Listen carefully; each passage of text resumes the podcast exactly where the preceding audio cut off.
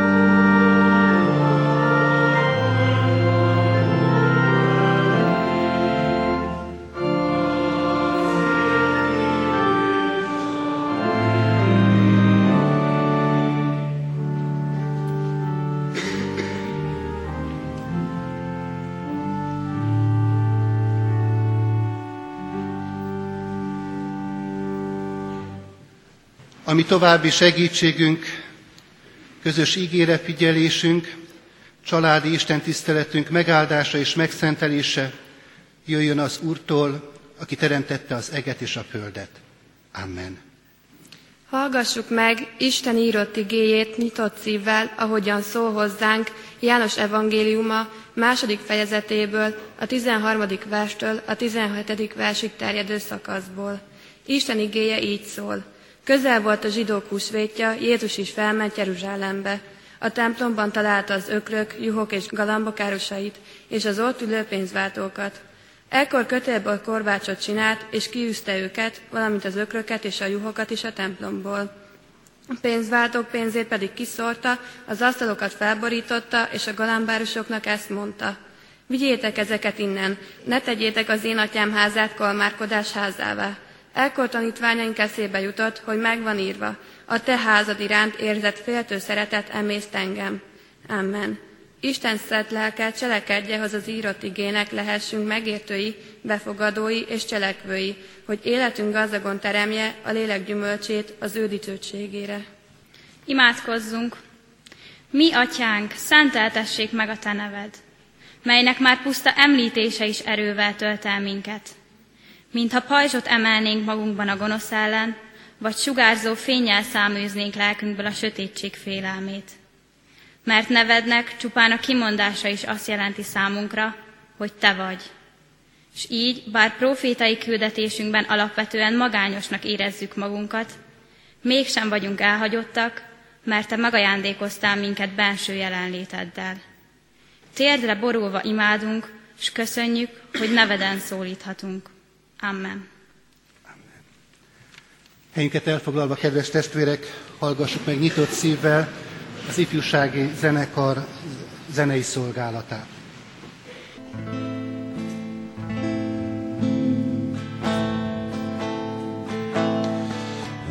Legyen a mi hangunk,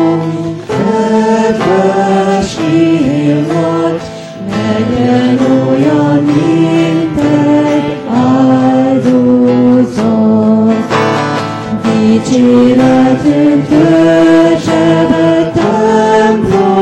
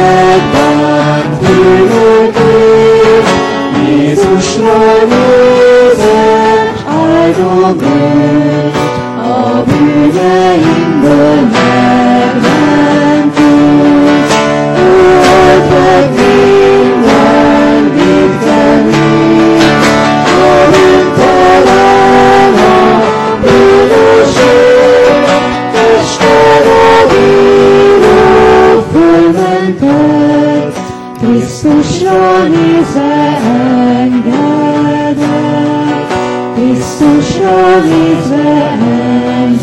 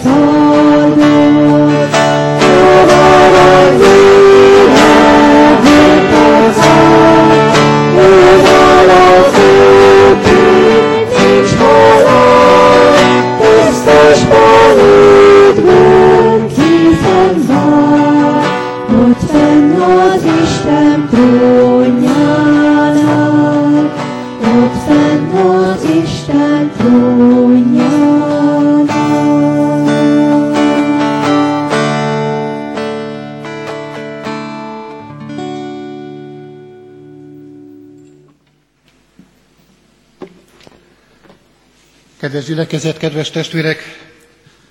Az a bibliai ige szakasz, melynek alapján Isten szent lelkének segítségével az ő üzenetét hirdetni kívánom, a Máté írása szerinti evangélium 6. fejezetében, a 9. versben olvasható. Isten írott igéjét fennállva hallgassuk meg. Jézus Krisztus mondja, ti tehát így imádkozzatok. Mi, atyánk, aki a mennyekben vagy, szenteltessék meg a te neved. Helyünket elfoglalva, nyitott szívvel hallgassuk a hirdetett ige üzenetét. Kedves gyülekezet, kedves testvérek, két hónappal ezelőtt az első gimnáziumi családi istentiszteleten elkezdtük a Mi Atyánk tanulmányozását.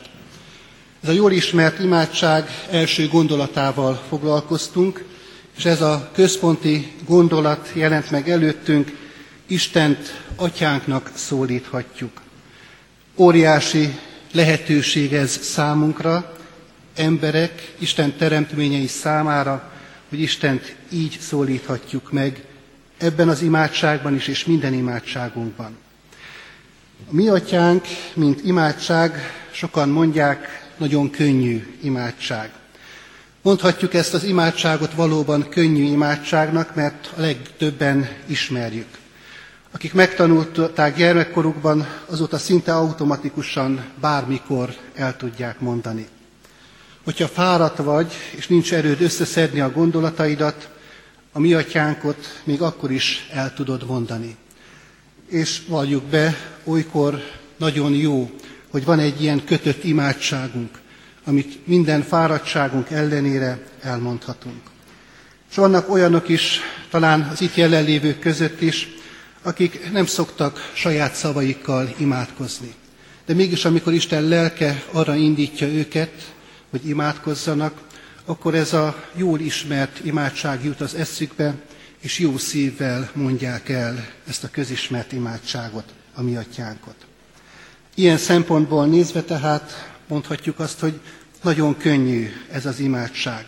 Mert ha valaki nem ismeri, könnyen megtanulhatja, hiszen minden Isten tiszteleten elmondják, és minden felekezetben hallható ez a közismert imádság.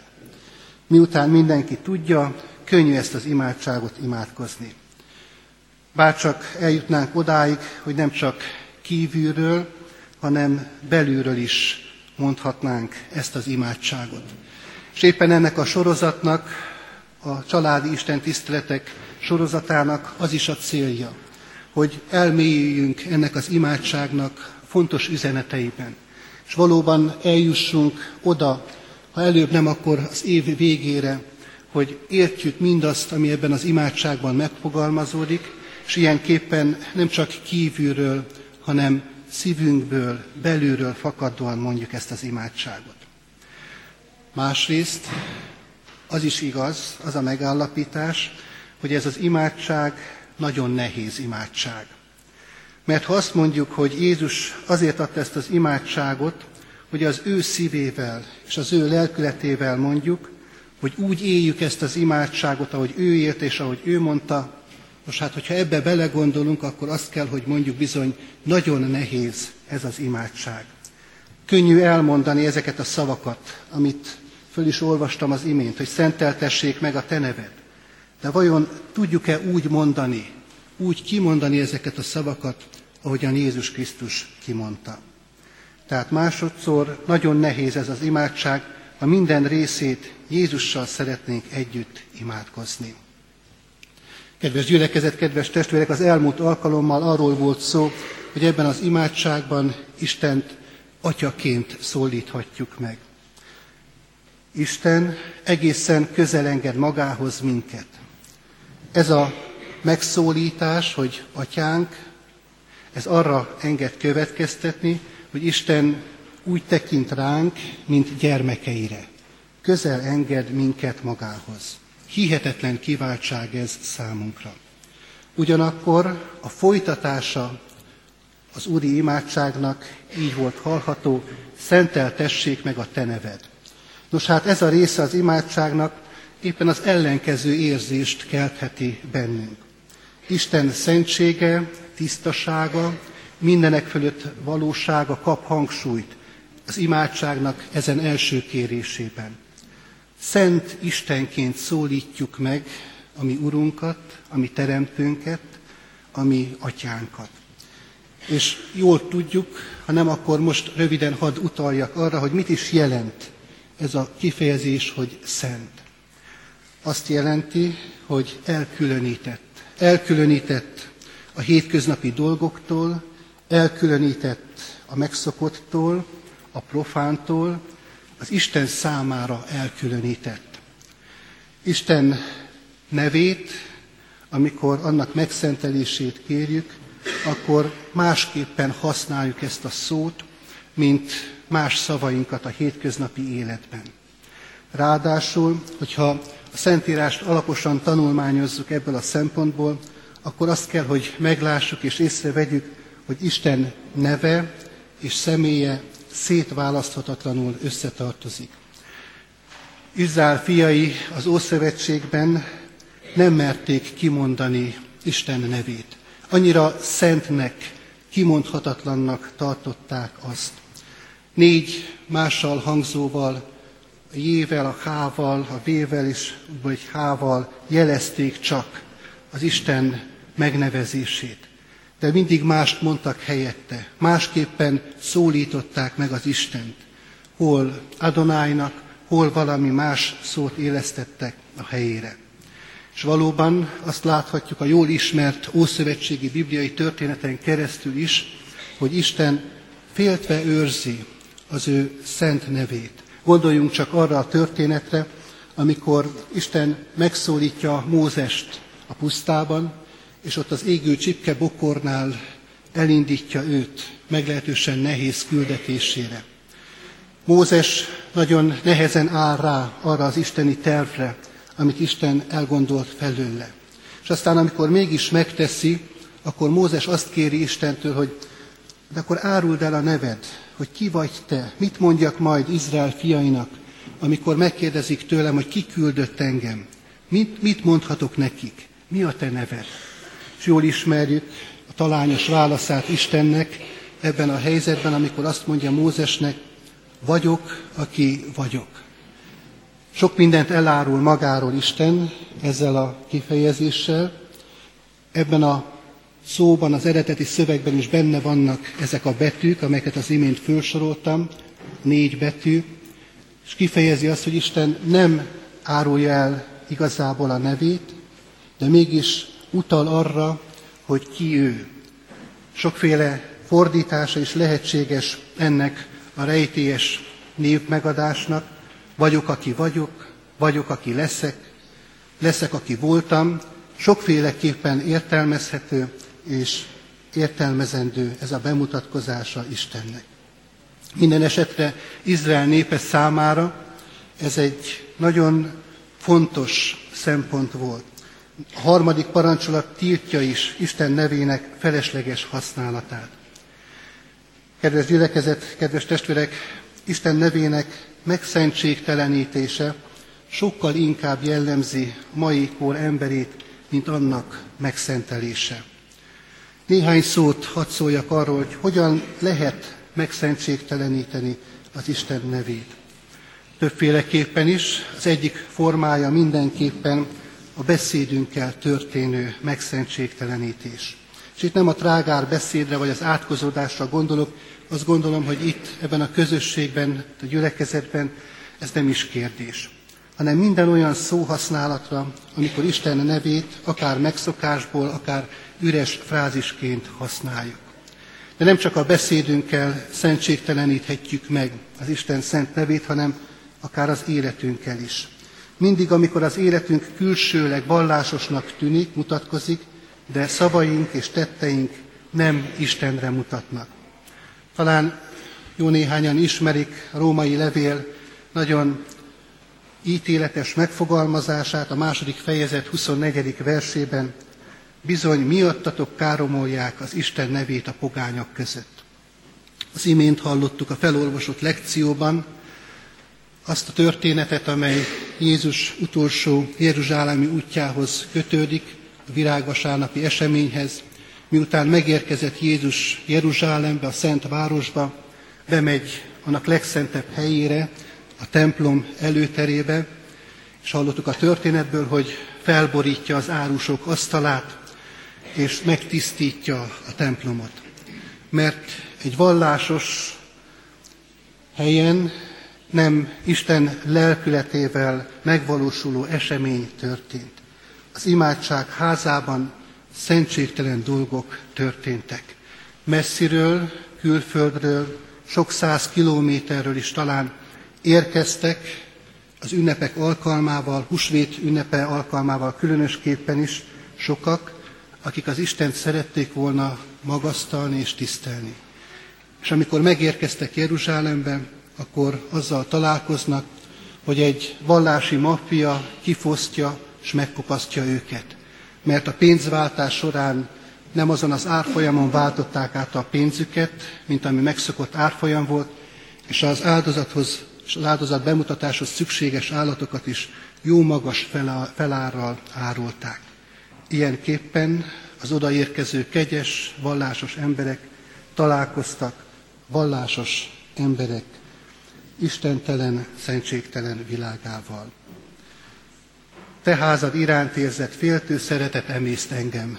Varja meg Jézus itt ebben a helyzetben a maga hitvallását és a maga álláspontját. Nekünk is Krisztust követő keresztény embereknek hasonlóképpen kell élni az életünket. Hogyan szentelhetjük meg Isten nevét? Nos hát, hogyha egészen röviden és tömören szeretnénk összefoglalni a lényeget, akkor azt mondhatjuk úgy, hogyha imádjuk őt. Mindenféle részletében, mozzanatában az életünknek. Ez pedig azt jelenti, hogy ő kerül az életünk középpontjába. Szenteltessék meg a te neved, megnyitja az ajtót, megmutatja az irányt, hogy Isten legyen az életünk középpontjába, és ő legyen a fő irányultsága. Ez a Jézusi imának a fókusza. Kedves testvérek, hogyha szeretnénk megvizsgálni azt, hogy mi van a mi szívünkben, valóban ez van-e ott, akkor arra kérlek benneteket, hogy picit képzeljük magunkat abba a helyzetbe, amiben volt Jézus ott akkor, amikor bevonult Jeruzsálembe virágvasárnap napján, és bemegy a templomba. És látja, hogy mi folyik ott. Hogy az embereket kirabolják, kifosztják, és ezek az emberek, akik messzi vidékről jöttek talán, akik Istennel szeretnének találkozni, nem találkoznak az Istennel, mert csalódnak az emberekkel, emberekben. Mit tennél ebben a helyzetben? Azt hiszem, hogy vannak közöttünk, akik ebben a helyzetben is közömbösek maradnának. Azt mondván, ha így van, hát így van. Mindig is így volt. Nem tudunk ezen változtatni. Kár ezzel a kérdéssel foglalkozni. Sokan vannak, akik az Isten nevének szentsége kapcsán is erre az álláspontra helyezkednek. És aztán vannak okoskodók, akik nagyon világosan látják, hogy mi a probléma, de mégsem tesznek semmit, csak nagyon okosan elmondják, hogy ez rossz. Az okait is hosszasan tudják magyarázni, firtatni. És vannak az ügyesek, akik azt mondják, hát ennyi pénzt lehet keresni egy ilyen helyzettel, állítsunk föl mi is egy asztalt, ragadjuk meg a lehetőséget. Ha itt ez megy, az Úr adta a lehetőséget, hogy meggazdagodjunk. És vannak a gyávák, amikor ugyan érzékeny valakinek a szíve, és bántja, ami ott történik, de mégis megmagyarázza magának, hogy illetlen lenne itt asztalokat borogatni, kinyitni a számat, milyen kellemetlen helyzetet teremtene ez. Kedves testvérek, nem tudom, hogy melyikünk ki milyen magatartást tanúsítana egy ilyen helyzetben. Bármelyiket is tennénk, mindig oda jutnánk, hogy én vagyok a középpontban. És éppen ez a kérése, az első kérése a mi atyánknak arra akarja a figyelmünket irányítani, hogy Isten legyen, az ő szentsége, az ő végtelen hatalma, az ő szent neve kerüljön a középpontba. És ha belegondolunk ebbe, akkor érezzük, hogy ez nagyon nehéz, szinte lehetetlen. Ki képes erre? Az, ilyes, az Isten fia ezt megtehette, de mi egyszerű földi halandók hogyan tehetnénk ezt meg? És végezetül, kedves testvérek, harmadszor mégis azt mondom, hogy könnyű ez az imádság, akkor, hogyha nem hagyunk figyelmen kívül egy fontos momentumot. Így olvastuk a felolvasott igében, szenteltessék meg a te neved. Egy passzív ige alakkal találkozunk, és ez azt jelenti, hogy Isten az alanya. Bennünk végzi Isten a maga munkáját, az ő szent lelke által. Mert arról van itt szó, amikor ezt a kérést komolyan elmondjuk és megfogalmazzuk, hogy nem magunkat kell felpumpálni valamilyen szintre, hanem Jézus jön el, hogy szívünkbe adja úgy, ahogy ő imádkozta. Isten az ő szent lelke által tudja ezt valóban szívünkben kimunkálni. És kedves testvérek, ez az evangélium, ez az örömhír számunkra, hogy ő változtat meg minket belülről. Nem csak szánkba, hanem a szívünkbe is adja ezt az imádságot. És újból csak hadd fogalmazzam meg ezt a gondolatot. Bárcsak, ne csak kívülről, hanem belülről, a szívünkből is tudnánk mondani, mi atyánk, aki a mennyekben vagy, szenteltessék meg a te neved. Amen. Kedves gyülekezet, kedves testvérek, most válaszként az elhangzott ige hirdetésre a tizedik C osztály szolgálatát, énekszolgálatát hallgassuk meg. Felkészítés munkáját Jánbor Zsolt tanár úr végezte.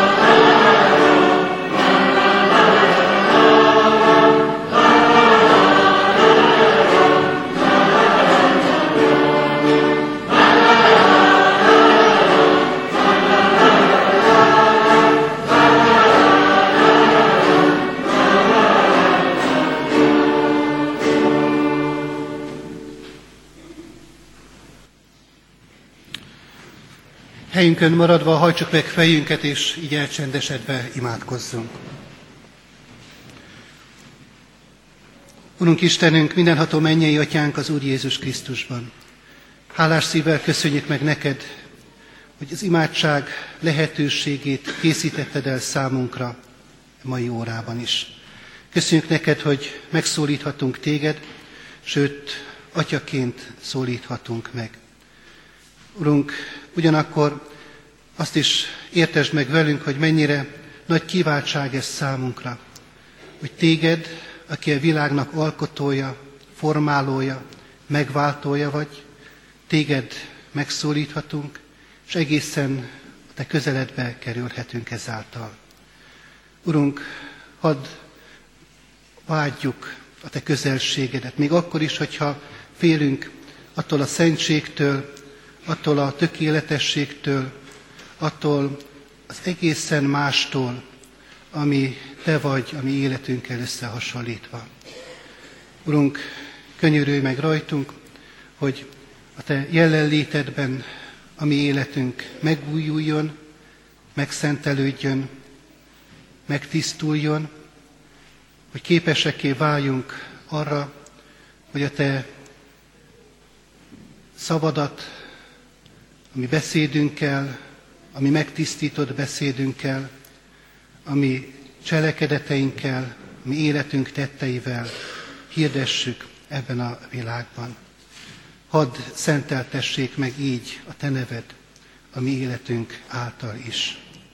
Könyörgünk, Urunk, nem csak magunkért, hanem azokért a közösségekért is, amelyekben jelen lehetünk, ahol az életünket élhetjük. Így köszönjük meg, Urunk, a mi családjainkat, ahová helyeztél minket. Olykor talán nem könnyű és nem egyszerű ott helyt állni, ott rólad hűségesen bizonyságot tenni, téged megvallani, de mégis úgy gondoltad, és ezt tervezted el életünkkel kapcsolatosan, hogy ezt tegyük, és ott álljunk helyt. Köszönjük neked, Urunk, ugyanígy azt a közösséget, amely körülvesz minket munkahelyen, iskolai közösséget, akár felnőttként, tanárként, akár diákként, fiatalként. Köszönjük az osztályközösségeket, amelyekben diákjaink jelen lehetnek. Áld meg azok osztályfőnökeit is, és minden pedagógust, akikre felelősséget bíztál, felnövekvő nemzedék nevelését, vezetését, irányítását, tanítását illetően. Könyörgünk, Urunk, még tágabb értelembe vett közösségünkért, ami magyar népünkért is. Áld és szenteld meg ezt a népet. Te látod, Urunk, mennyi tisztátalanság, mennyi szenny, mennyi folt az, ami elválasztja a népet te tőled. De hisszük azt, hogy Jézus Krisztusért, ami megváltó Urunkért, megtisztíthatod e nép fiainak szívét. Könyörülj meg rajtunk, hogy a te szentségedet, tisztaságodat megtapasztalhassuk. Amen. Gyertek és együtt közösen fennállva az úttól tanult imádságot mondjuk el. Mi atyánk, aki a mennyekben vagy, szenteltessék meg a te neved, jöjjön el a te országod, legyen meg a te akaratod, amint a mennyben, úgy a földön is. Mindennapi kenyerünket add meg nekünk ma, és bocsásd meg védkeinket, miképpen mi is megbocsátunk az ellenünk védkezőknek. És ne vigy minket kísértésbe, de szabadíts meg a gonosztól, mert tied az ország, a hatalom és a dicsőség mind örökké. Amen. Alázatos szívvel vegyük Isten áldását. Az Istennek békessége, amely minden értelmet felülhalad, őrizze meg szíveteket, gondolataitokat az Úr Jézus Krisztusban. Amen. Foglaljunk helyet, kedves testvérek, és helyünket elfoglalva hallgassuk meg a tizedik C osztály osztálybeszámolóját. Egy osztály életéből. Ők azok, akik már óvodába is együtt jártak. Szoktam hallani itt-ott tanártól, diáktól. Ez a kis helyes megállapítás mindig mosolyt csal az arcomra, hiszen már én is hasonlóan érzem, ám nem volt ez mindig így. Egy napsütéses nyári reggelen lázas készülődésbe fogott minden református gimnáziumi 9. osztályos tanuló. A kíváncsiság volt, ami a legjobban hajtotta őket. Ilyenkor röpül az idő, s már sorakoztak is az autókban a kisebb-nagyobb, gondosan bepakolt bőröndök, táskák. A nyugodt, zöldellő erdő, mely Emmaus házát rejti, mosolyogva nyitotta meg sűrű lombjait a vidám diáksereg előtt. Szobafoglalás után következett a várva várt találkozás azokkal, kik négy éven át egy refis osztályba tartoznak majd, miben már ott majdnem mindenki megtalálta azt a barátságot, mi ezután talán örökké élete része marad. Ám nem csak ilyesféle meglepetéseket tartogatott számunkra a gólyatábor. Összehozott egy családot, melynek tagjai szerte az országból jöttek, megtalálva helyüket egy közösségben, minek neve mostanra a tizedik C. De ez még csak a kezdet. Eljött a gólyabál ideje, ott mutatkozott meg igazán, milyen összhang uralkodik a tanulók közt, és hogy ne hagyjak ki senkit sem, ez nem valósulhatott volna meg, ha nem egy segítőkész és kedves, oszt, kedves osztályfőnök áll mellettünk. Hiszen bátran mondhatom, nem sok embert ismerek, ki orsz, osztályát saját gyermekeiként kezeli, és ha bántódás éri őket, habozás nélkül melléjük áll, bárki is legyen az, kivel szembe kell nézni. Lassanként kezdték belátni a tanárok is, ez tényleg nem mindennapi közösség. Ők tudnak valami fontosabb dolgot, mit mások kicsinyesnek tartanak. Ez pedig nem más, mint az összetartás, az önzetlenség, a segítőkészség és a vidámság, az őszinteség, és mi a legfontosabb, egy mindenkiért, mindenki egyért. Mondjuk dolgozatírás, felelet, de akár testnevelés óra előtt is, a közös műsorokról és az osztálykirándulásról nem is beszélve. Ilyen csapattal nem is csoda, hogy a régebbi ismeretlenekből mára már családtagok lettek, néhány csípőskedvű tanár ellenére is. Mi vagyunk, kik együtt tanultunk megjárni, és most szárnyainkat is közösen tárjuk ki a nagy világ felé, mely olyan hitattal vár minket, mint kis rigót a végtelen ég. Köszönjük szépen bemutatkozását az osztálynak, és kívánjuk Isten áldását további munkájukra. És köszönjük szépen a mai Isten tiszteleten nem csak a tizedik C osztály szolgálatát, hanem az ifjúsági zenekar szolgálatát is, melynek felkészítésében Sipos Gergő tanár úr vett részt. Mai családi Isten tiszteletünk záró imádsága előtt záró éneket énekeljük el, amely a már megkezdett 196. dicséret, negyedik és további versei lesznek. A 196. dicséret negyedik versétől kezdve énekeljük végig a dicséretet. Az, els, az negyedik vers így kezdődik, Szent Uram a Te neved, szent vagy Te a magas mennyekben.